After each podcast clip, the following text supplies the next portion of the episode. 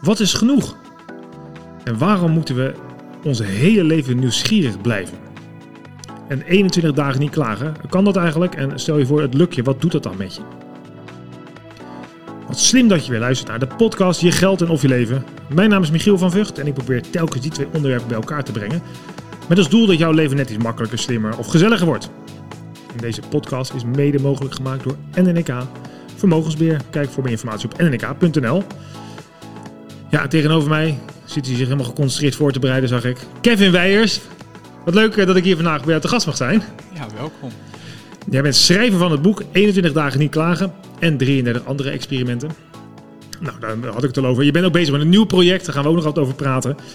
Uh, maar dat eerste, uh, je eerste boek vond ik toch wel aardig. Dat is ontstaan omdat jij op een gegeven moment de wereld rond ging reizen. En uh, geen slaapplek had. Ik dacht, weet je wat, klop gewoon aan bij de lokale schoenmaker en kijk of ik daar mag tukken als ik ze help met een experiment. Ongeveer, hè? Ja, maar dan iets anders. Ongeveer, ja. Ja, vertel eens, hoe is dat zo gegaan? Ja, nou, ik, ik, ik ben ooit ambtenaar geweest.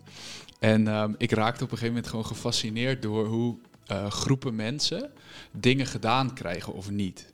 Het is een beetje cultuur ook wel binnen organisaties en binnen afdelingen. En waarom gaat nou op de ene plek het ene wel en op de andere plek niet? En toen dacht ik, nou als dat al in Nederland zo is, hoe is dat dan uh, over de rest van de wereld? En toen raakte ik daar wat nieuwsgierig naar van hoe zit dat eigenlijk in andere culturen? Dus hoe wonen, werken hm. en leven mensen daar? En toen heb ik bedacht van, nou, ik wil de wereld rondreizen, maar ik was toen, ja, nou ja, al 27. Dus ik dacht, ja, als ik alleen maar van hostel naar hostel ga en ik ga biertjes drinken overal, dan, dan raak ik ook snel verveeld. Um, dus toen dacht ik, nou, weet je wat, ik ga kijken of ik er een project van kan maken. En toen heb ik dat genoemd de wereld rond in 80 experimenten. Ja mocht ik uh, presenteren bij TEDx. Heb ik een presentatie gedaan en toen zei ik ja, dat ik bij 80 verschillende bedrijven steeds in één week tijd een idee wilde uitvoeren in ruil voor eten en onderdak omdat ik dacht van nou op die manier kan ik dan echt onderdeel worden van een bepaalde cultuur en echt meemaken hoe het is. En um, nou ja, daar kwamen ontzettend veel reacties op. En uh, werd ik uitgenodigd over de hele wereld. En uiteindelijk, uh, na drie maanden uh, niet kunnen kiezen waar ik naartoe ging, heb ik uiteindelijk de knoop doorgehakt en ben ik richting Vietnam gevlogen. En um, ja, 37 werkgevers later, drie jaar later, heb ik dat ja, is dat project eigenlijk op een organische manier is dat geëindigd. Um, dus ik heb de 80 niet gered. Nee. Maar dat was nooit, uh, dat was nooit het doel. Het was een mooie titel. Het was meer ja. een soort van richting. Um, een mooie cv ja. dan heb je wel. Hè? Ja, ja, ja. Nou ja. Wel een beetje een jobhopper, maar vooruit. Ja, precies. een beetje een twijfelaar. ja. Nee, ja, klopt. Ja, nee, van een advocatenkantoor in Singapore tot een uh, middelbare school in een township in Kaapstad. Uh, een radiostation in Kuala Lumpur. Uh, wijn gemaakt op Sicilië.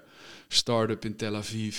kitesurfschool in Colombia ja, we hebben wel uh, ja. wat leuke avonturen meegemaakt. Ja, dat snap ik, ja. En een van die, uh, nou, een heleboel experimenten die heb je gedaan. Dat, je, dat we ging net even je hond uitlaten. En toen zei je al dat je het eigenlijk heel leuk vindt. Dat je als nu weer een experiment gestart met Michael Kortekaas. Ja. Waar jullie lekker in het water gaan liggen. Ja. Waar ik zelf dan ook aan meedoe. Ja. ben ook een beetje besmet geraakt. Maar dit was ook meer een soort, een van die dingen vind je leuk. En ik vond het wel mooi dat je zei, ja, het is wel leuk en belangrijk als je dingen doet, dat je er ook plezier in houdt. Ja. Veel dingen draven dan door. Dat het moet nou. Wat je vaak merkt is als je, als je het hebt over experimenteren, en dat, dat is dan het onderwerp, uh, ook binnen organisaties en zo waar ik me dan mee bezig ben, is dat heel vaak de vraag wordt gesteld van ja, maar als we dit gaan doen, wat levert dat dan op? Ja, ja, ja. En dat, dat snap ik heel goed, uh, hè, want we leven in een wereld van Excel-bestanden en KPI's en dat is allemaal prima. Um, en, en het moet allemaal efficiënt en dat, dat is oké okay, um, als je hebt uitgevogeld wat er al werkt. Maar het idee van een experiment is dat je juist af en toe eventjes een stapje terug doet. Jezelf afvraagt van, goh, waar ben ik nieuwsgierig naar? Of gaat kijken van, hé, hey, we doen het nu op, op manier A. Maar wat nu als we het op een, op een andere manier zouden proberen? Hè?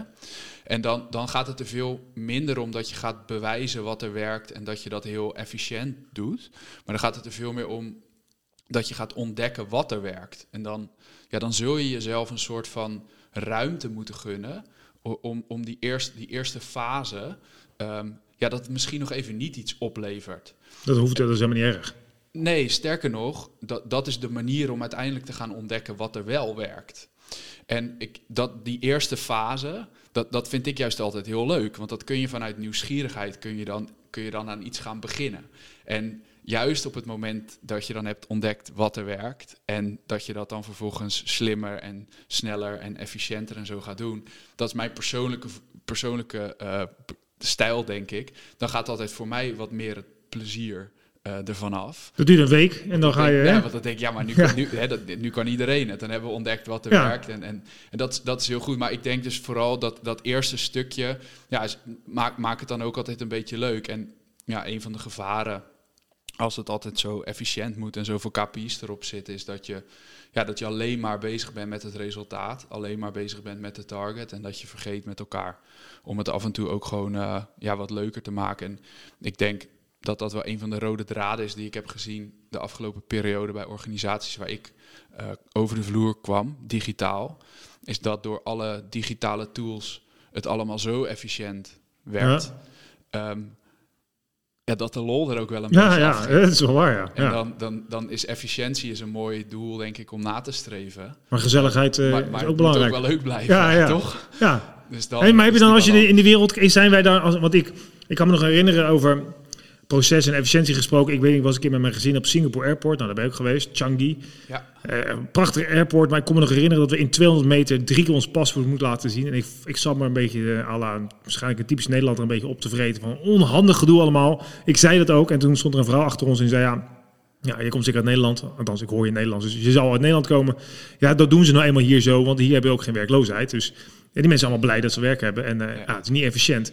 Toen dacht ja, dit is ook echt wel misschien onze cultuur om het zo makkelijk mogelijk te maken. Nou, kijk, weet je wat, wat, het een beetje is? Is dat, kijk, wat ik zeg, op het moment dat je ontdekt hebt wat er werkt, um, ja, maak het dan heel efficiënt, hang er een KPI aan en doe er zoveel mogelijk van.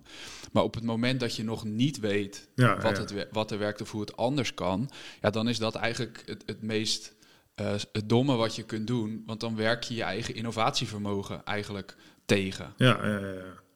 En daar, daar, daar komt eigenlijk die nieuwsgierigheid dus om de, de hoek kijken. Je moet daar continu nieuwsgierig blijven. En dat is, we hadden het even van tevoren over dat kinderen zijn zo onbevangen. Die stellen alle rare vragen die ze bedenken. Ja. Dat wordt nog niet afgekapt. Als ik nu uh, op mijn werk kom met een van een rare vraag, dan denk ik, joh, doe even normaal, hup, terug in het geril. Bij wijze van spreken, hè. Ja. Valt dan bij ons wel mee, maar dat is wel een beetje wat we afgeleerd hebben gekregen. En dat is wat jij eigenlijk verpleit van, je moet die nieuwsgierigheid juist uh, belonen of omarmen of zelfs groter maken. Hè? Dat je... Nou, als je kijkt vanuit de, de uitdagingen of de problemen waar wij voor staan, doen we vaak alsof we het kunnen oplossen op een manier met focus op efficiëntie. Um, en dan kun je wel stapjes maken. Dat, dat, is, dat, dat werkt wel.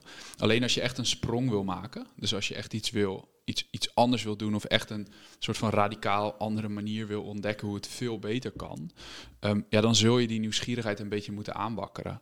Um, en naast dat ik denk dat het leuk is om uh, je af te vragen van, goh, waar ben ik nieuwsgierig naar en daarmee bezig te zijn. Hè? Dus bezig zijn met de dingen die je interessant vindt. Um, en dan zit je dus veel meer op dat proces. Um, dan dat je alleen maar bezig bent met het resultaat. En het gaat er niet om dat ik ook maar dat ik dat lang leven de lol en we zien wel waar het schip strandt. Er zit echt wel ideeën achter. Maar je, je hebt jezelf gewoon ook een beetje die, die, ruimte, uh, die ruimte te gunnen voordat je het gaat optimaliseren. Ja. Oké, nou even terug naar het begin. Hè? Want uh, ik zei, ja, wat is genoeg? Daar begon ik mee. En waarom moeten we nieuwsgierig blijven de heel, ons hele leven? Jij was, uh, ben nu bezig met een nieuw project. En eerst waar had je als idee van, ik ga kijken wat nou genoeg is. Wat is genoeg voor mensen? Ja, dat kwam een beetje door die coronaperiode. Dat, um, nou, ik geef dan uh, veel lezingen. En mensen vroegen aan mij op een gegeven moment steeds van, hoe gaat het met je? En dat bedoelde ze eigenlijk niet zozeer met, hoe gaat het nou met mij? Maar meer... Um, heb je nog genoeg werk? Dat was eigenlijk precies, wat ze daarmee bedoelde. Dat was heel, is heel lief. En, en, toen dacht ik op een gegeven moment, ja, nou, met mij gaat het eigenlijk best wel goed. Ehm, ja, het is allemaal wat minder dan dat het was, maar het is genoeg. En dat was mijn conclusie en dat genoeg, dat gaf mij best wel wat rust. Dus dat ik wist dat het genoeg was. Hoe wist je dat dan? Nou, dat voelde ik. Dat voelde je? Je had niet soort van berekend? Of, uh... Nee, want, want en dit is een, dit is een ding. Dus um, ik ben naar mensen gaan vragen van... Goh, wat, wat komt er bij je op uh, als je denkt aan genoeg? En wat, wat komt er bij jou op als je denkt Ja, jij vertelde mij die vraag net toen we een hond het uit laten waren. En toen dacht ik, ja, ja, ik wist eigenlijk niet. En toen dacht ik misschien nooit. Nooit. En, en waarom nooit? Ja, ik krijg, als ik erover nadenk... Ik denk aan de ene kant denk ik, het is heel fijn als je weet wat genoeg is op bepaalde vlakken. Maar ik ben ook wel dat je denkt, ja, je moet ook, het is wel fijn als je jezelf blijft ontwikkelen en dat je nieuwe dingen leert. En, dus daarmee kan het nooit genoeg zijn. Ja. En wa- waar ik op een gegeven moment een beetje op uitkwam met dat ontdekken van genoeg en, en met mensen daarover te hebben, is dat genoeg wordt eigenlijk vaak door mensen gekeken vanuit twee brillen. Het is of genoeg vanuit minder. Hè, dus dan, dan, dan heb je veel en dan wil je minder. Bijvoorbeeld met het aantal e-mail wat je krijgt. Ja, ja, dan krijg je heel veel e-mail en dan zeg je, nou, dat, dat is wel Nu is wel genoeg, Ik ja, meer, ja. ik minder. Of andersom.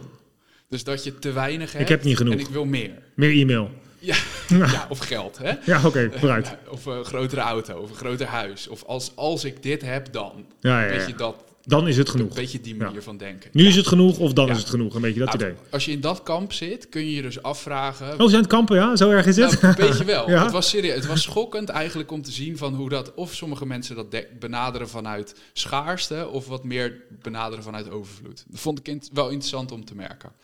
Als je nou in dat, dat, laatste, dat laatste kamp zit... dus in dat als ik dit heb, dan heb ik genoeg... dan kun je jezelf de vraag stellen... ehm, maar de vorige keer toen ik dat dacht... Hè, dus de auto hier, die ik hiervoor had... Mhm. Wat voor, wat voor idee had ik toen voordat ik die auto had? Toen dacht je waarschijnlijk ook, maar als ik deze auto Ja, heb, ja. dan, dan is het genoeg. En dan, hè, dat noemen ze de hedonistische l- loopband, de treadmill. Dus dat het altijd... Ja, ja, dat- precies. dat moet Altijd meer, moet het meer, maar meer, meer. Dus dat moment komt nooit. Nee. En dat geeft dus een heel relaxed gevoel. Het geeft eigenlijk een onrustig Ja. gevoel. Dus dan ben je knetterhard aan het werk. Enorm hard bezig om resultaten te halen. Maar je bent eigenlijk nooit blij met waar je bent. Nee, precies. Ja. Nou, Dus ook die wortel die eh, een soort Ja. van stok voor je hangt, maar ik kan het nooit pakken. lijkt me zonde, Lijkt me ook niet relaxed. toch? Nee, ik zit in het andere kamp, hoop ik misschien. Nou, en, waar, we, waar we vervolgens, waar ik op uitkwam na, na een aantal gesprekken, en ehm, was vooral dat het andere kamp, dat wordt vaak gezien als niet zo ambitieus. Oh ja, die zijn van joh, het is wel goed. Het is wel goed zo, en wat maakt dat nou De uit? sukkels zijn dat. Ja, precies. Nou, dat Ja, wordt zo gezien. Precies, ja. Dus, maar toen dacht ik van, maar daar gaat het eigenlijk helemaal niet over. Het gaat niet zozeer over minder of meer. En het gaat niet zo over dat er een getal is of een bepaalde staat is, dat als je daar bent, dat het dan klaar of af is. Genoeg is meer een gevoel en het is meer een, een vertrekpunt. En wat, wat ik daarmee bedoel te zeggen is dat ik denk, ehm, als je en weet dat het oké is zoals het is, dus het is genoeg, en je hebt de ambitie om er wat van te maken, als je die twee naast elkaar laat bestaan, dat dat super, super krachtig is. Dus eigenlijk die twee kampen breng je bij elkaar. Je stapt van die treadmill af en je eh, Ja, dus, wel met dus, rust. Dus, dus denk maar eens na. Van, s- je, je, je zit in een positie waarvan je denkt van, nou, maar het is goed zoals het is. En vervolgens doen zich een aantal kansen voor. Dan ga je vervolgens veel rationeler naar Mhm. die kansen kijken en nadenken van, goh, maar wat past dan echt bij mij? Wat lijkt me dan echt heel tof? Wat zou iets toevoegen? Wat zou me verrijken? In plaats van dat je zomaar op de eerste, de beste mogelijkheid die voorbij komt springt, omdat je denkt, ja, tuurlijk doe ik weer wat nieuws. Dus uiteindelijk is de, de conclusie van die twee maanden verdiepen in dat, eh, de vraag van, goh, wat is genoeg? Is dat veel mensen kijken daarnaar vanuit schaarste of vanuit overvloed. Ja. En de manier waarop je naar die vraag kijkt, zegt eigenlijk al heel veel over de manier van hoe je naar de wereld kijkt. Ik denk dat dat al één eh, inzicht is wat interessant is. En dat vervolgens de realisatie is, voor mij in ieder geval, dat het dus niet zo gaat over meer of minder, maar dat het wat meer staat op zichzelf. Ja. Dat het een gevoel is, een soort van basisvertrekpunt, van waaruit je dan vervolgens echt ook wel gewoon heel ambitieus kan zijn. Ik ben ook, denk ik, best ambitieus en ik vind het ook leuk om nieuwe dingen te doen. En, maar wel vanuit die kalmte of zo. Dus, dus iets minder... Maar hoe kwam je dan met die kalmte? Want jij zei ja, dat voelde op een gegeven moment zo. Maar is dat dan nog wel een, is dat alleen maar een gevoel of zit er ook ratio achter? Dat jij dacht, ja, het, het, het voelt nou, ik denk dat het voor sommige mensen op een andere manier werkt. Ik denk natuurlijk dat als jij bijvoorbeeld, als je het hebt over geld, dat je, als je dan kunt zien eh, je saldo of zo, of, of qua belegging hoe het met je gaat, dat dat een bepaalde rust geeft. Ja. Eh, maar ja, ik denk dat je dat op een bepaalde manier. En, en, en misschien is dat wel de grootste les hoor, die ik uiteindelijk ook heb geleerd van al die eh, reizen in het buitenland en al die experimenten in het buitenland. Ik kwam elke keer op een plek waar ik niemand kende. De cultuur niet, de mensen niet, het bedrijf niet, de, de context niet, niks. En uiteindelijk kwam het altijd goed. ja. Ook als het niet goed ging. En ik denk dat een van de lessen, of de belangrijkste les die ik heb geleerd, is van het is eigenlijk altijd wel oké zoals het is. Dus Want het komt ik- weer goed. Ja, dus misschien dat ik dat heb doorvertaald. En dat betekent niet dat ik het dus allemaal maar op zijn beloop laat. Nee, ik ga gewoon keihard voor werken om er het beste van te maken. Maar je bent wel blij met waar je staat, zeg maar. Ja, vanuit een positie dat je oké bent met waar je bent. Ja. Wetende, want ja, superleuk die nieuwe auto. Maar ja, als ik in die auto zit, ja, dan komt ook wel weer een nieuw model uit. Of ja, gaaf, die iPhone. Tot die valt, met een kroon en barst erin. En dan, ja, ja, of ja. er komt er weer een nieuw model uit. Of, Ja. ja, dus dan, om iets minder in dat spelletje mee te gaan, daar iets meer rust voor jezelf in te hebben. Maar zit hem dan ook die genoeg vraag en dat antwoord daarop? Is er indruk vooral bij het hebben en zo van dingen? Of, eh, en minder in... ehm, dus dat we heel tijd spullen najagen. Het is een beetje zo het consumentisme, het minimalisme is natuurlijk helemaal zo'n ding ook Ja. van de laatste tijd. Dat je zegt dat daar het meer in zit. Nee, nee want het, het gaat er meer om, om voor jezelf te ontdekken wanneer het genoeg is. En als jij het gewoon ontzettend gaaf vindt om altijd de laatste gadgets te hebben, ja, go for it. Ja, Dus het gaat er niet om dat daar een bepaald oordeel achter zit of zo. Ik denk niet dat het aan iemand anders is om daar voor een ander een oordeel over te hebben. Maar is dat trouwens ook iets wat je zegt voor een ander? Dus ik heb het gevoel dat, heel veel, dat we heel veel status, gevoel, eh, eigenwaarde ontlenen in ver- omdat we ons vergelijken tot. Ja, zeker. Dus jij hebt hier een huis met een, eh met een en ik Ja. niet. En dan denk je, ja kut, hij heeft wel zo'n ding en ik niet, weet je wel. En dan Ja. ga ik maar denken, wil ik ook. Dus het is, Zonde. ja, nou ja, kennelijk, ja, is super zonde. Maar dat is niet, denk ik niet dat het zo heel veel gaat. Dat we dus ons genoeg ontlenen aan wat dan mensen hebben in onze omgeving of zo. Ja, zeker wel. En ik denk dat het dan vervolgens heel belangrijk is om daar voor jezelf mee aan de slag te gaan. Ja, precies. dat zeg je nog aardig. Eigenlijk wil je Ja. van mij iets anders zeggen. Nee, maar het, het, het, het ligt natuurlijk enorm ook aan dankbaarheid. En dat, Ja, je, ja, dat, dat, je, dat je blij bent met waar je bent. En het is dus maar net aan met wie je vergelijkt. Nou, dat heb je natuurlijk als wereldreiziger natuurlijk helemaal gezien. Hè? Dus we mensen in, eh, in de township hebben het net even iets anders en minder dan wij waarschijnlijk. Qua spullen Qua spullen, absoluut. Qua levensvreugde dus vraag je het wel Qua af. zorgen voor elkaar en community. Ja. En eh, ja, dat was levensgevaarlijk daar. Maar, die- maar die mensen letten wel op elkaar. Ja. En dat, eh, ja, dat, dat nou, ik, nou heb ik het geluk dat ik in een, in een leuke buurt woon waar, waar dat eigenlijk ook heel goed gaat. Dat sociale, eh, zeker ook nu. Dus dat, dat ook mensen op elkaar letten. Maar ik ben ook op heel veel, nou, bijvoorbeeld Singapore. Nou, daar weten mensen echt niet wie- hun buurman is. Of Nee, nee, precies. echt niet. En het interesseert ze ook niet. Dat is ook oké. Nee, ja. afhankelijk Nou van wat je prettig Nou ja, vindt. de vraag, de interessant natuurlijk of mensen... We hebben ook van die gelukslijstjes waar Nederland altijd bovenaan staat. Er zijn de gelukkigste kinderen ter wereld en dat soort dingen allemaal.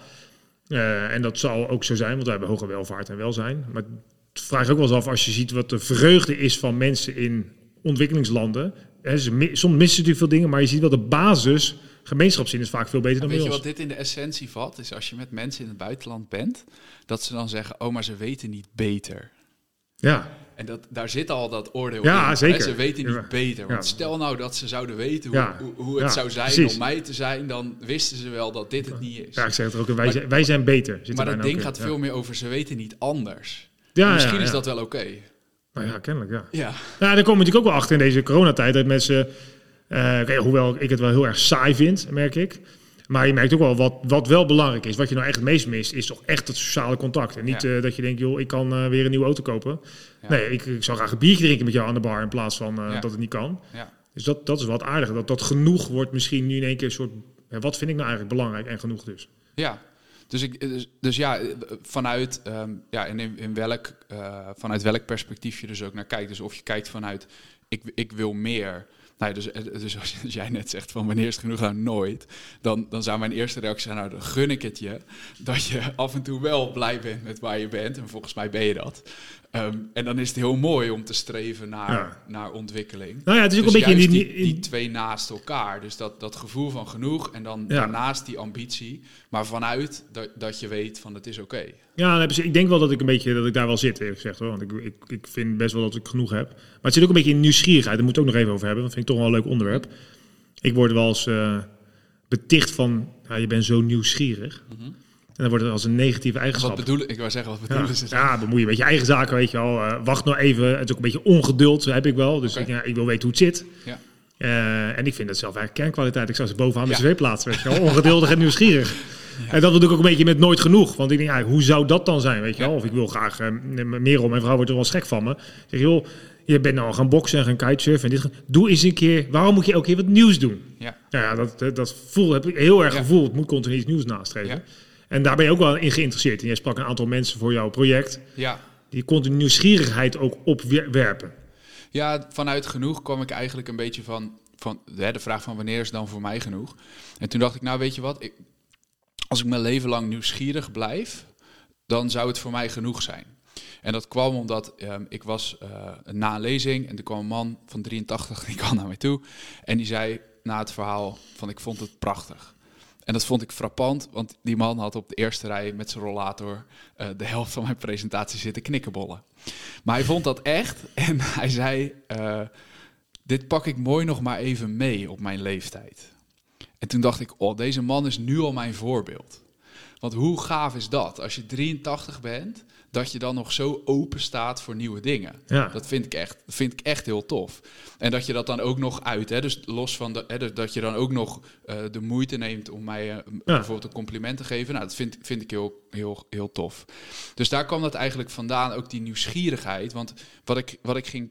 Uh, uh, over na ging denken, is dat heel veel mensen die ik ken, die ik interessant vind, die hebben allemaal iets nieuwsgierigs over zich heen. Dus die ondernemen dingen, die stellen vragen, die, zijn, die doen dingen die ze interessant vinden. Niet altijd omdat ze denken dat het ze wat oplevert, maar omdat het ze gewoon heel veel plezier brengt. En ja. dat ze het gevoel hebben dat daar wat zit. En toen dacht ik, ja, ik vind dat eigenlijk heel mooi. Dus die vraag, hoe blijf je een leven lang nieuwsgierig? Dat is de vraag voor mijn nieuwe boekenproject. Dus ik zit daar nu drie maanden in. Uh, wat wetenschappelijk onderzoek uh, doorworsteld en uh, allerlei mensen al wel gesproken en een soort van opzet gemaakt. Um, ja, daar ben ik nu eigenlijk ben op het moment dat ik zeg van ja, dit wordt echt wel het onderwerp en ik ga nu het proces in. Um, dus daar ga ik mee aan de slag. Is er dan niets dat je kan zeggen, ja, nee, dit is een soort formule? Nou, weet ik niet. Wat, wat ik wel herken al als een soort van trend, is dat um, als je de, bijvoorbeeld biografieën leest of de levenspaden van, van interessante mensen. Dus ik, bijvoorbeeld nu heb ik net uh, David Attenborough, dat is die voice-over van, uh, hè, dat is een fantastische band. Ja. ja, nou precies dat. vind ik een fascinerende man. En als je dan zijn biografie leest, dan um, kun je in de verleiding komen te denken dat het een heel lineair proces is geweest. Dus dat hij gewoon van, hij was ergens, hij had een bepaalde passie en dan ging hij vervolgens A doen en van A kwam ja, ja. B en C. En dat, dat was zo uitgestippeld. En dat zit in al die boeken. Maar dat is helemaal niet zo. Want als je daar beter naar kijkt, dan gebeuren er allerlei random dingen. Waardoor voor een keuze komt, dan kiest hij hetgene wat eigenlijk helemaal niet logisch is om te doen. En dan doet hij dat. En dat leidt dat tot dat hij weer iemand ontmoet. En die neemt ja, hem mee ja. daar naartoe. En dus het is veel minder lineair altijd uh, dan, dan dat we denken. En er is één professor waar ik me nu wat meer aan, in aan het verdiepen is. En die zegt, wat heel veel van de, dit soort mensen gemeen hebben, is dat ze doen aan short-term planning. Hmm. Dus die hebben wel een idee waar ze ongeveer heen willen. Maar die zijn veel meer bezig in het hier en nu om zich af te vragen van, maar wat vind ik nu interessant? Waar ben ik nu goed in? En waar ga ik me dus nu mee bezighouden? En die doen dat dan voor een jaar of zo. Ja. En dan met alles wat ze in dat jaar verzamelen, vormt zich dan vervolgens de nieuwe stap. En dan hebben ze weer een jaar waar ze iets in doen. Maar ja, ze denken dan, niet al over 30 jaar mag ik mijn pensioen, dus ik ga dat nee. nu helemaal regelen. Nee, en ook de niet ambtenaar, van, de klassieke ik... ambtenaar, die, de raamambtenaar, die uh, past niet in jouw project. He, mensen die naar buiten zitten te staren en denken, ja, ik ben, uh, het is nee, vijf uur. Dat het stereotype ambtenaar. Ja, ja precies. Nee, hij is flauw grapje natuurlijk. Niet. Nee. maar, en, maar, maar ook niet bijvoorbeeld heel veel mensen die, die denken van, nou, ik zet een stip op de horizon.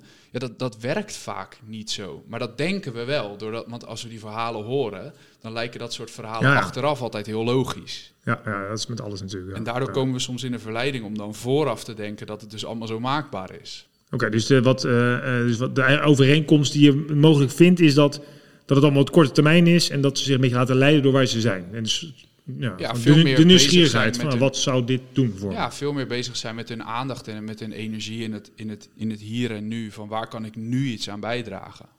En dat maakt dat ze vervolgens dus steeds stappen verder komen.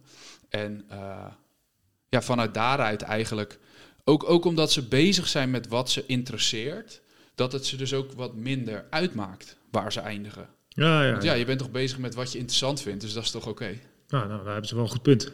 ja, toch? Ja.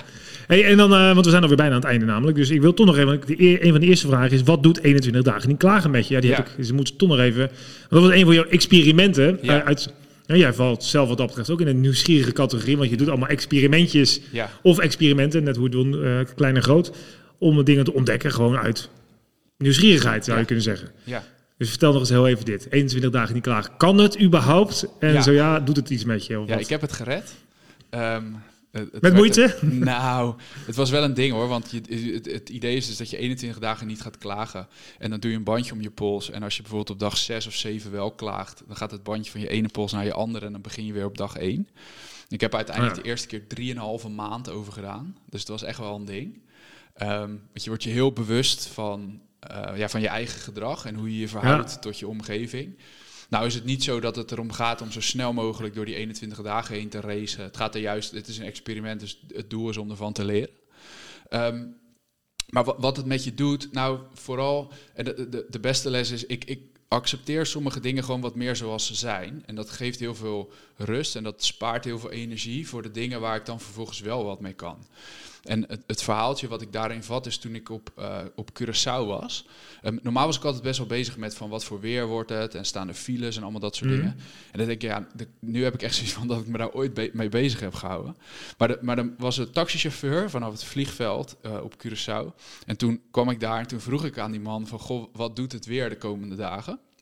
En toen deed die man echt iets fenomenaals. Toen draaide hij het raam open. En toen keek hij naar buiten. En toen zei hij, nou, wat het de komende dagen doet, weet ik niet. Maar nu is het wel lekker. en, en, en dat heeft 21 dagen niet klagen voor mij gedaan. Dat ik veel minder bezig ben met al die dingen waar ik geen invloed op heb. Ja. En dat ik me veel meer bezighoud met van, maar waar kan ik wel mijn energie in stoppen? En, en ja, wat, wat vind ik wel belangrijk en wat kan ik veranderen?